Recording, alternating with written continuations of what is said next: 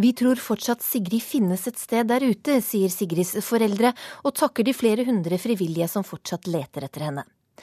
Mange politifolk har måttet tåle knallhard kritikk fra 22. juli-kommisjonen. Jeg vet hvem man snakker om, jeg vet hvem som var hvor. Ikke alle selvfølgelig, men veldig mange. Og det gjør noe med det. Og kvinnebedåreren Thor Heyerdahl var gift tre ganger og ble saksøkt av en hula hula-dame for én million kroner. I dag er det premiere på den nye Kon-Tiki-filmen. Du hører på en podkast av Ukeslutt, og jeg heter Linn Beate Gabrielsen. Det har gått eh, to uker siden Sigrid Giskegjerde Skjetne forsvant ved Østensjø i Oslo. Flere hundre frivillige har vært med på å lete etter jenta, og nå vil foreldrene takke de som har ofret ferie, jobb og fritid for å finne Sigrid. Reporter Anne Kvatsheim har møtt Ingrid Giskegjerde og Tom Skjetne. Det er jo mange som spør oss om hvordan vi på en måte holder motet oppe. Ja, hvordan klarer hvordan... Og hvordan man kommer seg gjennom dagen. Og det er jo Det er jo rett og slett altså Det er jo, det er jo at vi har dette håpet. Vi skal finne Sigrid. Og, og, det er klart at det er så mange som bryr seg. Mm. Som er ute og leter. Det er veldig, jeg synes det er utrolig deilig, særlig spesielt de første dagene, men også nå her, at det er faktisk noen som leter etter Sigrid. Det er noen som leter. Det er, det er ikke bare vi, men det er kjempemange som, som, som, er ute og hjelper til. Altså som vil lete. Som er engasjert. Og som skal finne Sigrid. Og de leter da altså Det er de samme altså Folk leter liksom ikke én dag heller, vet du. De leter jo og altså, stiller opp dette, dag etter dag. Dette begynte jo spontant helt ikke sant, i, i lokalmiljøet på Østensjø her. Det begynte faktisk på, på trappa mi den søndagen. Og allerede da så kom det så mange mennesker at vi måtte flytte det ned til skolegården på Østensjø. Og så har vi kjempegode venner som bare tok tak med en gang. Og så begynte det bare å rulle og gå. Og det har jo vært Bare på Østensjø skole så har det jo vært over 700 mennesker som har møtt opp. På én kveld. På en kveld. For å være med og lete. Og i tillegg til på en måte naboer, familie, venner, folk som bor i bydelen, så kommer det jo folk fra altså, hele byen. Det kommer folk fra hele ja, Snart fra hele landet. Snart fra hele landet. Kommer, ja, folk kommer med soveposer fra Notodden, ja, og fra Trondheim. Og jeg har hørt om folk som legger seg inn på hotell, og det er vel liksom ikke det er vel liksom ikke det de fleste gjør, da, men jeg har jo hørt historier om det. Det, det er sterkt. Det er forferdelig sterkt det er veldig mange som tenker at uh, De føler at det angår dem. Altså Vi vil bo i trygge nærmiljøer. Vi vil ikke at nærmiljøet vårt skal være utrygt. Det betyr at barn og ungdom og voksne skal kunne bevege seg fritt og gå og gå trygt hjem, enten det er på dagen, kvelden eller natta. Jeg tror ikke folk finner seg i at, uh, at det skal være utrygt hvis man får dagene til å gå sånn, da har det jo vært utrolig deilig. Liksom, for du får liksom høre litt sånn planlegging og at, ting, at det, det, skjer noe. ikke sant? At du hele tiden har for meg da, at du har en plan. du har en plan. I morgen skal vi lete der. Neste skal vi lete der. Er du redd for at uh, de skal slutte å lete? Det er klart det betyr mye for oss. Men vi har jo sagt hele tiden, og det mener vi, altså, at dette er jo ingen selvfølge. Det, det, er det jo ikke, Ingrid. Det er ingen selvfølge i det hele tatt. Folk har jo egne Folk Må få ha egne liv og egne Har jo familie skal ta seg av. Folk er på jobben. Veldig, så det, det, er ingen selvfølge. Vi er bare umåtelig glad for at folk stiller opp. Men jeg er nok ikke veldig redd for at det skal plutselig bare bli stille? At uh, det skal starte en hverdags uten sikring. Jo, jo, vi tenker jo på det. Men det er ikke det vi bruker mest tid på akkurat nå. Nå er vi mest opptatt av å Vi er mest opptatt av å lete. Vi skal ikke gi opp ennå. Vi har ikke gitt opp. Tror du fortsatt på at hun fins der ute? Ja, vi gjør det. Det gjør vi. Hun er der ute et sted, det er helt sikkert. Det er helt sikkert at hun er det. Og du kan se hele intervjuet med foreldrene til Sigrid i Lørdagsrevyen klokka 19 på NRK1. Og foreldrene til Sigrid de vurderer nå om de skal gå ut med en dusør til den eller de som kan gi opplysninger som fører til at Sigrid blir funnet. De har fått tilbud av personer som kan stille med dusør på en halv million kroner, men helt til i går så frarådet politiet dette med begrunnelsen at det kunne skade etterforskninga. Sturla Osen, du har vært eh, drapsetterforsker eh, bl.a. i Kripos i 27 år, og du har god erfaring med bruk av dusør i, i din jobb. Har du noen eh, eksempler på det? Ja, det har jeg. Selv om det ligger noe tilbake i tid. Så i 1992 så var jeg med på å oppklare et 13 års gammelt drapssak som ble uoppklart utelukkende pga. bruk av dusør. Eh, kort fortalt så ble en vaktmann om denne saken så ble en vaktmann funnet drept på Asola fabrikker i Vestby. Drapet skjedde i 1977 og ble betegnet som meget brutalt.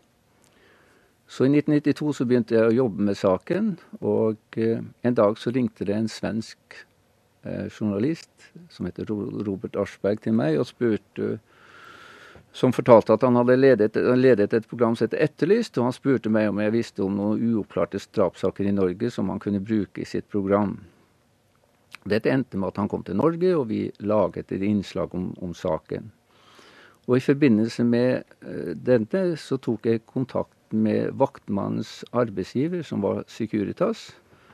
Og de tilbød meg at vi kunne få 100 000 i belønning Eh, i dusør hvis man fant frem til en person som kunne si noe eh, som oppklarte saken. Og Hva skjedde når dere utlovte den eh, dusøren? I den forbindelse så fikk vi inn 14 tips. Et av disse tipsene kom fra en prostituert dame i Oslo, som fortalte at hun hadde vært sammen med en person som fortalt, igjen hadde fortalt at han, det var han som sto bak dette gamle drapet. Og vi tok han inn til, et, til avhør. Og han tilsto eh, nokså umiddelbart at det var han som sto bak drapet. Så, eh, og har det ikke vært for den dusøren, så har denne damen aldri kommet til oss. Nå er jo Sigrid-saken en litt annen eh, type sak, men har du tro på at eh, det kan være hensiktsmessig også i Sigrid-forsvinningen? Ja, absolutt. Det kan jo være personer der ute som nøler med å komme til politiet med med, med informasjon, og, og, og, kan da bli motivert av et, en dusør. Mm. Stein Morten eh, Lier, du er eh, krimforfatter og programleder for eh, Insider på TV Norge. Du har ikke så stor tro på bruk av dusør i Sigrid-saken. Hvorfor ikke? For det første så vil jeg jo si at jeg har full forståelse for at familien vil prøve alt. Det, har, det skjønner jeg veldig godt.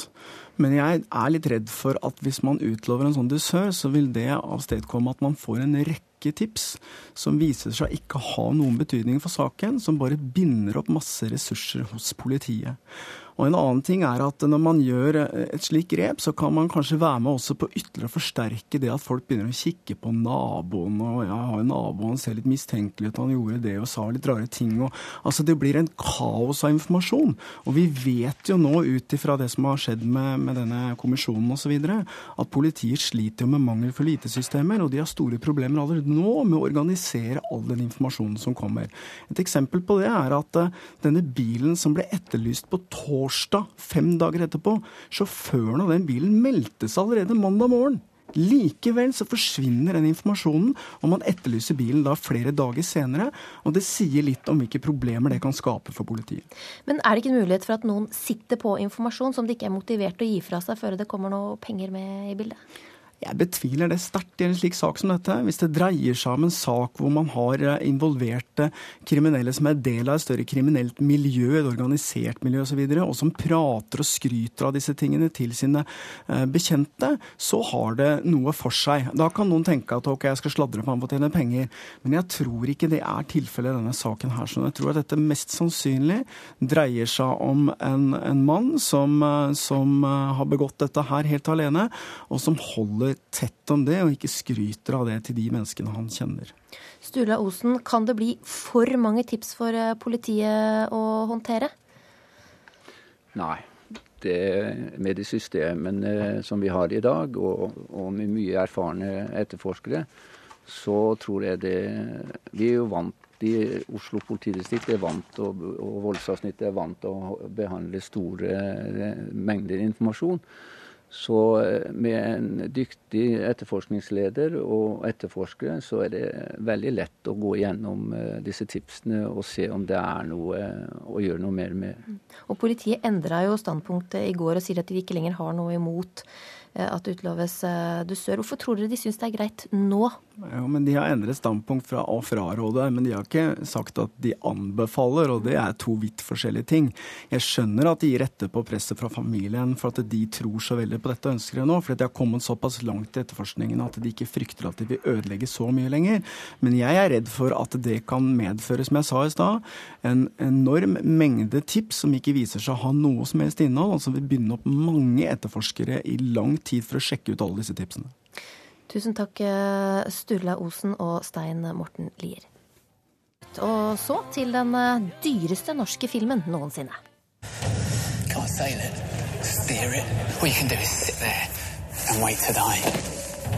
Vær så snill, Tor, ikke gjør dette. Dette er større enn oss.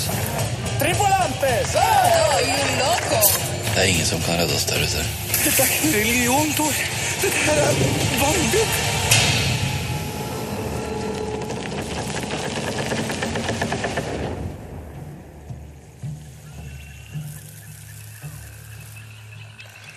Kon-Tiki er eh, klar for eh, premiere under filmfestivalen i Haugesund i kveld.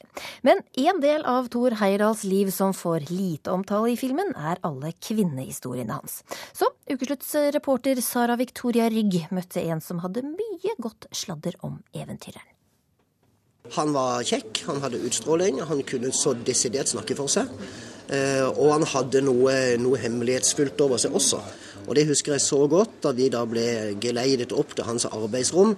Eh, og det var litt mørkt, og der sitter han med noen papirer, og det fikk jeg helt gåsehud. Han hadde en enorm utstråling og karisma. Så selv for, for meg som, som mann, så, så, var det sterk kost å møte han, altså. Så at jentene falt for han, det skjønner jeg utmerket godt. Tor Heyerdahl. Mystisk sydhavsinspirert eventyrlysten storsjarmør, ifølge Haltan Tangen ved Kon-Tiki-museet. Og som alle veit, bak enhver mystisk sydhavsinspirert eventyrlysten storsjarmør står ei sterk kvinne, eller tre. Ja, og den første var jo Liv, da. Eh, og Tor Herdal ville jo veldig tidlig, allerede i ungdomsårene, så ville han bryte ut fra denne sivilisasjonen vår eh, og finne et paradis på jord. Men han ville ikke gjøre det alene. Han ville ha en kvinne med seg. Og det var da Liv, eh, som kom fra Brevik. Og, og det virker jo som at det var perfect match. Hun var med han, de reiste rundt.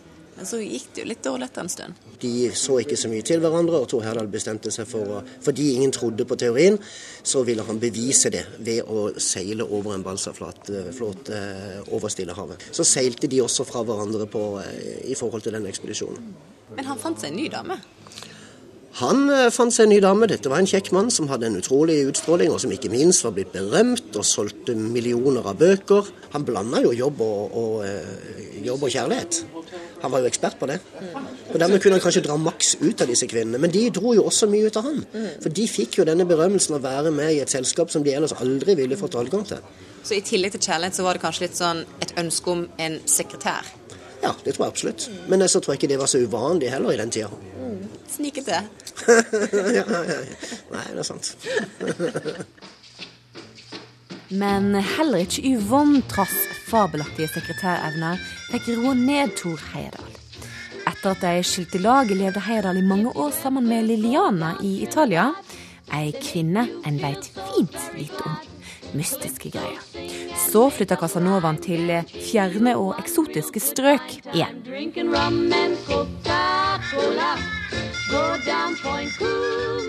Om han drakk rom og cola, der veit jeg ikke noe om, men jeg tykte mystikken passa så godt inn her. Etter noen år møtte Heyerdahl, hold deg fast, en ny kvinne. Eh, de siste ti årene han levde, eh, så ble han kontaktet av en fransk dame, som til og med hadde vært Miss France, Jacqueline.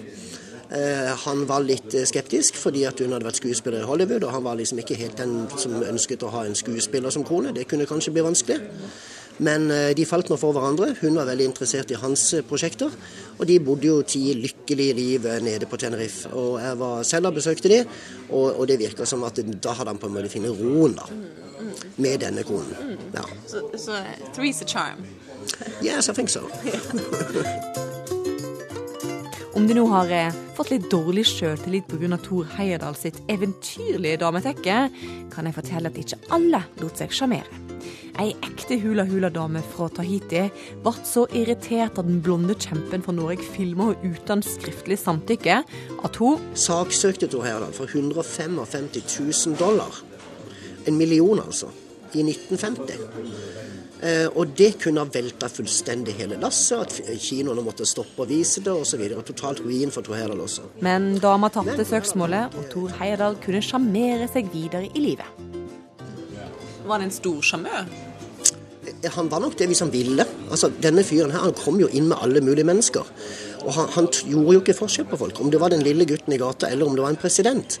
Tror du at Tor Heyerdahl på filmen som vi får se nå på kino, er like sjarmerende som den virkelige Tor Heyerdahl? Han var jo eh, både sjarmerende og sta eh, og nysgjerrig. Det kommer frem i det jeg har sett. Mm. Ja. Men det er kanskje vanskelig å bli så sjarmerende som sjølveste Tor Heyerdahl? Nei, nei, men hvis du kan være nesten, så er det veldig, veldig bra. ja, ja. Tor Heierdal jr., du har akkurat vært på pressevisninga av eh, filmen under eh, filmfestivalen i Haugesund. og Hvordan var den?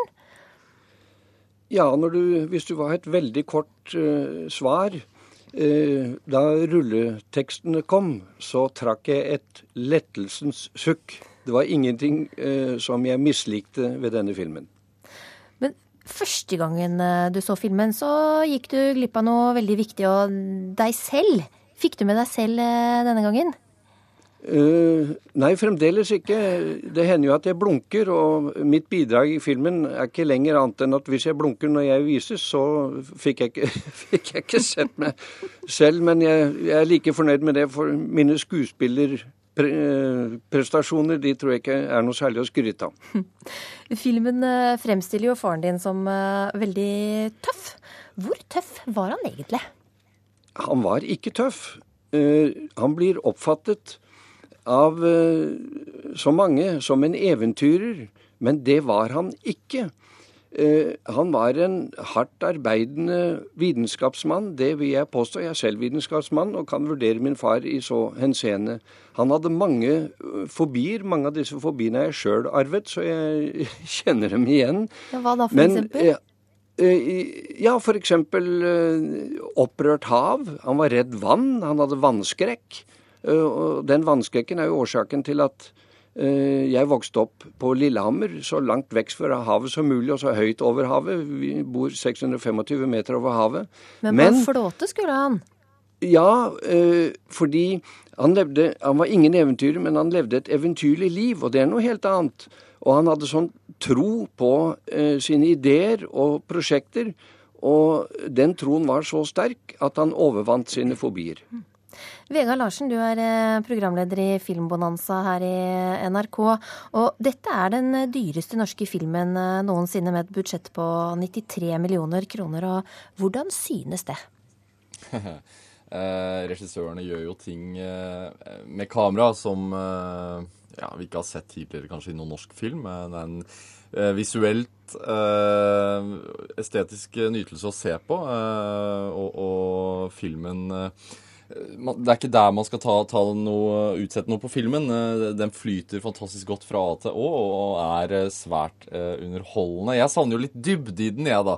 Jeg tror nok at det utspilte seg mer enn det vi får se i filmen på den flåta mellom mannskapet. Mm. Men er det likevel er dette filmen som vi alle bør gå og se i høst, eller? Ja, altså jeg tror nok at Kon-Tiki kommer til å trekke et veldig stort publikum, og, og med rette. Uh, folk kommer absolutt ikke til å bli skuffet uh, over, over, den filmen her. Og, og man går inn, uh, og, og, du blir tatt med på en reise som, som flyter av sted i, i nærmere to timer, og, og, det fungerer veldig fint. Det, det er skuespillerprestasjonene som jeg, som jeg syns er viktigst å trekke fram her, fordi de gjør virkelig en god jobb. Og det er veldig morsomt å sitte her i studio i Haugesund sammen med Tor Heilra jr., fordi han er jo veldig lik sin far, og jeg syns Pål Sverre Valheim Hagen, som spiller Tor Heyerdahl, også er ganske lik han. Så det er nesten som at jeg sitter her sammen med en gammel Pål Sverre Valheim Hagen. Altså. Hva sier du til det, Tor Heyerdahl jr.? Ligner du? Var, jeg kan ikke se det selv i speilet, men uh, jeg erkjenner jo at etter hvert som jeg blir eldre, så når jeg igjen uh, min far. Så jeg har vel uh, noe til felles med ham. Men om jeg har fått all den sjarmen som han blir omtalt med, det er jeg ikke så sikker på. Jeg er ikke så sikker på at min far hadde all den sjarmen heller. Men vi hørte jo her litt tidligere at han, han, han var jo en skikkelig damefut, og det var det ikke så stort fokus på i filmen. Men hvordan opplevde du faren din sitt forhold til kvinner? Ja, jeg skjønte jo det at han eh, hadde eh, dametek, og at han hadde damer, for å si det sånn. Men jeg tror ikke han utmerket seg mer på den arenaen enn svært mange andre også gjør det. Så, men jeg må jo si at jeg er jo glad for at han hadde såpass dametek at jeg i det hele tatt eksisterer, da. det er også en historie om eh, en damehistorie fra ditt eget uh, bryllup. Kan du fortelle den? Ja, øh, han øh, levde jo sitt øh, eget liv og prioriterte gjerne det. Og da jeg selv skulle gifte meg, så Jeg ble rørt over at min far kom hele veien opp fra Italia for å delta i bryllupet. Men uh, pga. et lite intermesso der, blant uh, legale og ikke-legale kontakter, så kom han for sent til bryllupet og fikk ikke høre min kone og meg si gi hverandre eh, vårt ja, og da var jeg forbanna på han, det var jeg. Men eh, det, jeg til, tilga han det. Mm. Vegard eh, Larsen, eh, til slutt. Eh, hvorfor bør vi gå og se denne filmen? Jeg syns jo det er eh, altså, Veldig mange nordmenn har jo hørt om Kon-Tiki-ekspedisjonen. Eh, mange har også sett dokumentaren eh, som ble laget. Men eh, filmen gir jo et eh, bilde av hva som faktisk skjedde på turen. da. Eh, og sånn sett så er den historisk interessant. I tillegg så er det et stykke svært, svært god underholdning, og et par skumle haier får man også med på kjøpet. Tusen takk, eh, Tor Heyerdahl jr. og Vegard Larsen.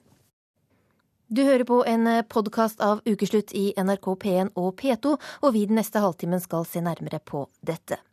Jeg ville blitt helt knust av Gjørv-kommisjonens rapport, sier førsteklassing på Politihøgskolen.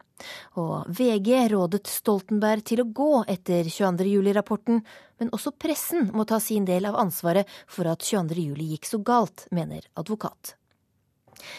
Det ble siste uka på jobb for eh, politidirektør Øystein Mæland denne uka. Mandag kom 22. Eh, juli-kommisjonen med kraftig kritikk av politiet, og på torsdag så Mæland seg nødt til å gå fra jobben etter manglende tillitserklæring fra justisministeren. Vi har eh, oppsummert uka hans. Jeg beklager at jeg ga en gal opplysning. En opplysning som jeg ikke sjekket grundig nok. Politiet må tåle hard kritikk i rapporten som ble lagt fram i dag. Og I kveld sier bistandsadvokat Mette Yvonne Larsen at uh, polititopper må vurdere å gå av etter 22.07-terroren. Vi har fått en veldig tøff rapport. slik at det, ja, Unnskyld, nå blir jeg litt irritert på deg.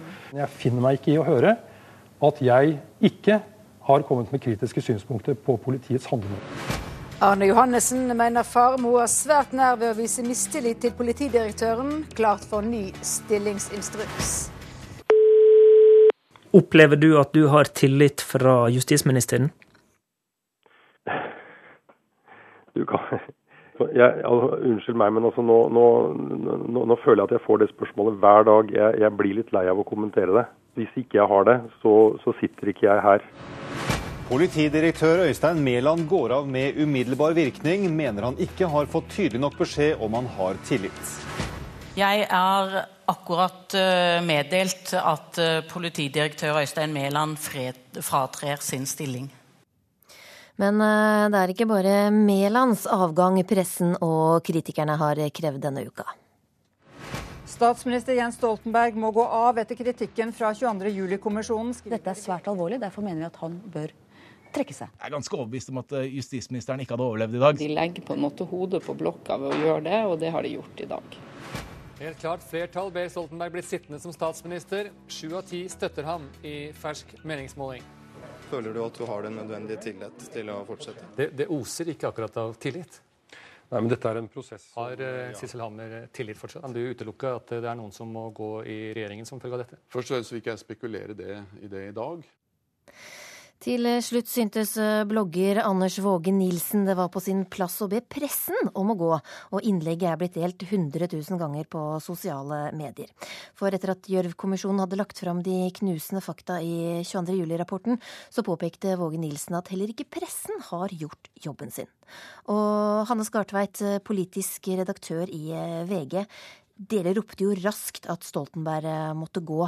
Torsdag kveld trakk politidirektør Øystein Mæland seg. Er du nå fornøyd? Vi har hele tiden snakket om statsministerens ansvar som øverste ansvarlig i denne saken. Vi har aldri eh, sagt noe om at Mæland bør gå. Eh, det er sikkert mange, det er mange grunner til at han burde trekke seg, men det som skjedde denne uken med måten han ble kastet på, er ikke et vakkert syn.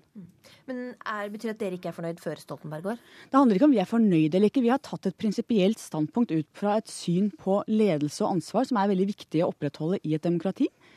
Eh, når den øverste lederen er ansvarlig for store svikt i beredskapen, forsømmelser gjennom mange år, så mener vi at det riktige da, og anstendige, vil være å tre tilbake og gi noen andre jobben med å rydde opp. Advokat eh, Jon eh, Wessel Aas, du mener pressens jobb også står til stryk i denne saken, så da bør vel pressen gå også, da? Jeg mener ikke at det ikke skal skrives lederkommentarer som Hanne Skartveit førte i pennen for VG her forleden. og Uansett hva man måtte mene om konklusjonen der. Men jeg mener at det, at det generelt kan at det er for mye fokus på spillet, det som foregår på overflaten eh, mellom partier, eh, taktikkeri, eh, hoderullingsspørsmål osv. Det flere nå ser åpenbart eh, gjennom kommisjonens rapport, de grunnleggende årsakene til at ting ikke fungerte, og da først og fremst på organisering, IKT-systemer osv. i politiet. Der er poenget mitt at dette er ting som faktisk har vært kjent i mange, mange, mange år. Og det har vært tatt opp, men det har vært utrolig lite fokus på det egentlig. Både fra media og fra opposisjonen. For det er klart det er mye morsommere uh, med taktikkeri om en statsråd går, eller at politikere uh, kakler i vei mot hverandre mer eller mindre godt orientert om det de prater om, enn å se på hva som faktisk foregår. Og hadde man vært opptatt av det tidligere, i denne saken så hadde kanskje noe av det vi fikk et forferdelig utslag av, uh, kunnet skje. Skartveit, er dere bare opptatt av spillet og hoderulling? Det er det rene vrøvl. Makan, altså. Um, vi, VG skrev f.eks. veldig mye om IKT og nett, eh, nødnett. Det har vi holdt på med i mange år. Vi har vært lite opptatt av spill. Det som skjer nå, er en ansvarliggjøring av de som har ansvaret for de systemsviktene, som vi nå har fått grundig dokumentert, men som vi også har skrevet om før. Det har jo også vært ganske mange hoder som har vært eh, krevd på et fat eh, siste år. Ikke bare fra VG, men fra pressen generelt. Er det pressens jobb å kreve statsråders avgang? Vi har ikke krevd noen sitt uh, hode på et fat. Vi har uh, sagt i VG at det er én mann vi mener gir det råd å trekke seg, nemlig statsminister Jens Stoltenberg, for han er ansvarlig. Ellers så har ikke vi gjort det. Og Man bruker sånne lettvinte ord, kreve noens hod på et fat osv. Poenget er at det er viktig i et demokrati å holde de som har ansvar, må holdes ansvarlige. De som har makt, må ta ansvar. Og feil beslutninger må ha konsekvenser. Jeg har et spørsmål til Wessel Aas. Hva har du gjort for å skrive f.eks. Har du skrevet noen kronikk om løgnene som har kommet fra politiet? Hvordan pressen har blitt forsøkt lurt, eh, manipulert? Eh, hva har du gjort for å grave disse tingene? Jeg syns det er betegnende at pressekritikerne, spesielt på Twitter, Først så er det galt hvor mye man avdekker og hva man faktisk får ut rett etter 22. juli. Masse kritikk da. Og så er det plutselig galt at man ikke har gjort nok. Du har det veldig lettvint på Twitter, Wessel Aas, må bare si det. Ja, jo, Nå skyter du litt uh, rundt omkring her. Altså, for det første uh, så har jeg vel neppe vært en spesiell kritiker av at pressen har gravd i ting verken før 22.7. eller etter. Tvert imot så har jeg jo stort sett forsvart pressen og ytringsfriheten i mange, mange år. Så da tror jeg du sikter, da må du nok sikte til andre. For det andre vil jeg gjerne si at jeg har nettopp sagt jeg, jeg har ikke kritisert pressen for hva de har gjort etter 22.7. Tvert imot. Jeg syns de har gjort en stort sett meget god jobb der. Og hvor, akkurat som du påpeker, der har myndighetene til dels ikke bare motarbeidet, men forsøkt å villede pressen og opinionen også. Så all honnør for hva pressen har gjort der. Det jeg snakker om er, som jeg sa tidligere, det er i denne saken er alt det som har skjedd årene før. Og ja, Skartveit, dere og andre har pekt på problemer med IKT-systemer osv. Men hvis man snakker om å gjøre politikere ansvarlig, så igjen, ja det er greit å snakke om det nå. Men hvorfor i all verden har man ikke gjort dem ansvarlig før 22.7.? Hvorfor har ikke f.eks. VG ropt opp og sagt at nå må Stoltenberg gå eh, i 2011? Fordi han har fortsatt ikke fikset de veldig viktige systemene i politiet som gjør det mulig for dem å ivareta sikkerheten i landet. Ja, det, det, er det, det, er det, jeg tenker på. Hans, hvorfor ber, mener han bør gå nå, Skartveit, og ikke tidligere? Vi har ikke for vane å be noen uh, om å, å, vurdere å gå av, vi. Uh, det gjør vi. I min tid i VG har vi aldri gjort det. Poenget er at at vi alltid som avis VG har vært opptatt av lov og rett. Vi har gått inn i systemer, vi har gått inn i politiet, hvordan det fungerer, Forsvaret. Jeg vil si at Noe av vårt viktigste oppdrag, og som vi prøver å fullføre så godt vi kan, er systemkritikk og avsløre betenkelige forhold i samfunnet. Mm. Og Det betyr ikke at svaret på det er, hver gang er å kreve en statsråd til avgang. Det sitter veldig langt inne. Grunnen til at vi gjorde det nå, var at denne rapporten avdekker store systemsvikt som skyldes forsømmelser gjennom mange mange år. Og Stoltenberg har vært statsminister siden 2005, og derfor er det han som må ta dette ansvaret. Det er en tung beslutning for oss å komme med et sånn råd til landets statsminister. Det er ikke noe vi gjør i utide. Men er det ikke også litt stas for en avis å være den første til å være ute og kreve en statsråds avgang? Nei, dette handler ikke om hva som er stas eller ikke er stas. Dette var en, et råd som vi mente etter nøye vurdering var riktig eh, å ta. Jeg mener at det er det rette standpunktet, men det handler ikke om å være om stas eller ikke stas. Vi har fått mye kjeft for det, så det er ikke, i hvert fall ikke spesielt populistisk. Mandag startet 720 førsteklassinger på Politihøgskolen. Samme dag kom rapporten fra 22. juli-kommisjonen som slår fast at eh, norsk politi ikke duger når de trengs som mest. Kritikken fikk eh, førsteklassing Birgitte til å revurdere sitt yrkesvalg. Er man egnet? Har man, eh, har man lyst til å stå der? Har man lyst til å, til å være den som kan ende opp med all den kritikken? Allerede første skoledag måtte Birgitte finne svar på de vanskeligste spørsmålene. For samme dag som hun begynte på skolen, kom Gjørv-kommisjonens rapport. Myndighetenes evne til å beskytte menneskene på Utøya har sviktet. Krystallklart og nådeløst orienterer Alexandra Bech Gjørv. En raskere politiaksjon var reelt mulig. Hun slår fast at politiet, om de hadde tatt andre valg, kunne spart minst 20 liv på Utøya i fjor. Gjerningsmannen kunne ha vært stanset tidligere, 22.07. Jeg ville vært helt knust. Førsteklassing Silje har valgt å begynne å lese den 500 sider lange rapporten framfor pensum. Selv så er jeg bare politihøgskolestudent, og jeg syns det er tung lesning, så da kan jeg sette meg inn i hvor tungt det må være for de som faktisk var på jobb. Det må føles helt grusomt. Og de grå prikkene, fem prikker her, det betyr en båt uten synlig fører. Det ble ikke vurdert å forsøke å mobilisere disse og gå til øyeblikkelig aksjon. Politipatruljen som var først på stedet, kunne vært på Utøya en halvtime før, dersom betjentene hadde lånt en båt og reist med en gang. Bekkjørv konstaterer at patruljen fra Nordre Buskerud politidistrikt ble værende på landsida. Det smerter meg selvfølgelig å måtte peke på at de strengt tatt burde ha gått til øyeblikkelig aksjon. Dette er lyden fra filmen om Nokas-ranet som skjedde i 2004. Det var skyting på stedet. Uvisst hva de skjøt på. Det visste vi ikke da. Politibetjent Erik Haaland var på jobb den dagen og måtte syke seg opp. Du må faktisk eh, jobbe med deg sjøl for å komme over den følelsen av at du skal bli skutt mot, og kanskje bli skutt den dagen. For kroppen din sier nei. Haaland gikk til aksjon og løsna skudd framfor å observere. Det får han fortsatt kritikk for. Jeg har en tjenesteplikt til å agere eh, for å avverge videre tap av, eh, av liv. Haaland mener frykt for å gjøre feil bremser norsk politi. Hvis frykten for å feile blir større enn en ønsket om å lykkes, så kan det være at det oppdraget kanskje ikke blir eh, løst på den måten det var tenkt. Og hvis en da frykter for eh, Og da tenker jeg på at en frykter for at du bryter en instruks, eller om du frykter for å bli etterforska av Spesialenheten etterpå, eller, eller hva det måtte medføre, så har det en passiviserende effekt på en del kollegaer. Eller det kan ha. Jeg syns innsatsen var meget bra ut fra de forutsetningene de hadde å jobbe under. Politioverbetjent Nils Erik Karlsen har fått jobben med å svare for kritikken mot kollegene ved Nordre Buskerud politidistrikt. Ja, man får ikke bare kritikk. Eh, faktisk så har vi fått blomster og, eh, og mailer, brev her, som støtter oss. Og det er vi veldig glad for.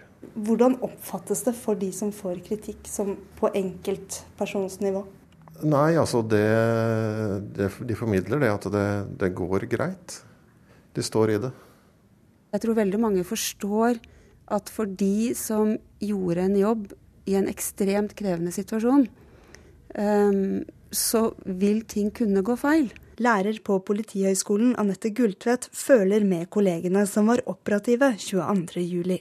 Som veldig mange andre som ikke var der, så tror jeg gjerne vi gjerne skulle ha vært der for å kunne bidratt. Uh, så klart det å sitte og lese rapporten som jeg gjør nå, Eh, det er vondt, og du blir lei deg. Um, jeg vet hvem man snakker om, jeg vet hvem som var hvor. Ikke alle selvfølgelig, men veldig mange. Um, og det gjør noe med det. Jeg er glad i yrket mitt, jeg er glad i etaten min. Jeg vil gjerne at vi skal gjøre en god jobb og være der for publikum. Eh, skape den tryggheten som du forventer av oss. Om noen skulle være i tvil om hva som forventes av den enkelte politimann og politikvinne, så presiserte Beck Gjørv følgende etter pressekonferansen mandag. Vi ser at det er mye å be eh, vanlige polititjenestemenn om å gå inn og risikere sitt eget liv for å redde andres, men det er en del av samfunnets oppdrag til politiet. Man går jo ikke på jobb for å dø. Førsteklassing Birgitte er overbevist. Hun vil bli politi. Man har lyst til å gjøre samfunnet bedre. Man har lyst til å yte, hjelpe mennesker, jobbe for rettferdighet. Ehm, de tankene overveier vel kanskje det å Det at man i noen situasjoner kan komme til å måtte risikere livet for å hjelpe noen andre. Jeg tror det er vanskelig å sette seg inn i den situasjonen eh, på forhånd og si at da vil jeg reagere sånn og sånn. Silje tenker høyt. Det vet man egentlig først når man står eh, oppi det, hvordan man reagerer på det. Er du villig til å risikere livet for jobben? Eh, ja. Jeg, jeg tror ikke jeg hadde søkt Politihøgskolen om ikke jeg var villig til å gjøre det. Da hadde jeg valgt et annet yrke. Reporter var eh, Kari Li. Eirik eh, Bergesen, du er nå skribent og kommentator, men har eh, ti års erfaring som informasjonsrådgiver i Utenriksdepartementet bak deg, bl.a. under tsunamien på slutten av 2004, hvor 84 nordmenn døde. Og du sto midt oppi det da tsunamien rammet, og håndteringa den gang ble også hardt kritisert i en rapport i etterkant. Hva tenker du selv nå om måten dere håndterte det på? Dessverre så var det lite intern åpenhet eh, i UD, og det var en av de tingene som, eh, som ble eh, avdekket i rapporten også. Og da ble det slik at de som ønsket internt å peke på problemer som måtte løses, eller ønsket å bidra med løsninger, ikke kom til orde. Og det viste seg etter hvert at vi rett og slett kjempet mot vår eget hus. At Veldig mange av de interne prosessene eh, lakk eh, til pressen, og den kritikken da vi fikk gjennom pressen, eh, kom fra kilder internt i huset. Eh, og i denne rapporten som kom nå, er det jo mye eh, anonyme kilder. Eh, og det er ikke vanskelig å forestille seg at det kommer fra internt i, i de etatene som har vært, vært, berørt. Hva tenker du om politiets reaksjon, da, som først renvaska seg sjøl i, i, en egen rapport? Hvorfor tror du det, de gjorde det? Når denne 22. juli-rapporten har kommet, så ser vi jo at de to rapportene også politiets egen rapport, er veldig forskjellige. Eh, det samme skjedde da mm, UD også lagde sin interne rapport, som kom i forkant av Reinås-rapporten. Så var den, den helhetlige rapporten fra myndighetene. Eh, det har jo litt med å gjøre at man ønsker på en måte å eh, ta tak i problemstillingen, at den kommer før det. Men straks man på en måte er i overkant positive, så blir jo kontrasten veldig stor. Eh, og når det gjelder på en måte de, eh, noen av de kommentarene som da politiledere har kommet med i mediene, eh, som nærmest fremstår som et 100% forsvar, så er ikke nødvendigvis det bra heller for de ansatte som er berørt av dette. Fordi når man sier at vi gjorde alt vi kunne, så blir det veldig vanskelig å på en måte nå frem med en nyansert kritikk, som da er ment å endre på systemene. Ser du noe annerledes på hvordan dere håndterte det den gangen, enn hvordan du så på det da du sto midt oppi det? Ja, så Man eh, eh, blir jo presset, man er i en vanskelig eh, situasjon. Eh, mange av disse som har jobbet eh, med dette i politiet, er jo eh, gjerne vært direkte berørt. Og de har jo kontakt med, med overlevende og pårørende. Og det er jo vanskelige følelsesmessige prosesser. Eh, at det blir gjort feil, er det jo ingen tvil om. Så gjelder det å være ydmyk eh, for at eh, det, det skjer. Klarte dere det den gangen, syns du? Det klarte vi dessverre ikke. Vi hadde enda en, dessverre en kombinasjon av et beredskap som ikke var god nok, og en manglende ydmykhet og manglende åpenhet, som da vi, jeg mener at vi da tok et ordentlig oppgjør med, og på en måte klarte å snu i UD. Og er da mye bedre forberedt eh, når eh, slike situasjoner inntreffer. Men det er jo da prosesser som tar tid eh, å, å bygge opp. Og det er klart at da er det også veldig viktig at man, de som har vært med på dette her, også tar del i den opprydningen. Jeg vil også mene at det ikke nødvendigvis er det rette å gå av umiddelbart. Og i UD så snudde stemningen Eh, med en gang. Da vi hadde et internt eh, allmøte, og lederen i administrativ avdeling sa at eh, han beklaget at de ansatte var blitt sendt ut i krigen uten våpen. Og det var den måte, interne beklagelsen man trengte for å tilgi sine ledere og være med på å snu operasjonen. Det tror jeg også er viktig i politiet, at man ikke skaper et ledervakuum. At man sammen finner ut av hva som gikk galt, og rydder opp. Og så kan man heller få inn nye etter hvert for å bygge opp eh, de nye systemene. Takk for at du kom til eh, Ukeslutt, Eirik Bergesen. Så var Ukeslutt over for denne gang. Ansvarlig for sendinga Ida Tune Ørritsland, teknisk ansvarlig Finn Lie, og i studio Linn Beate Gabrielsen.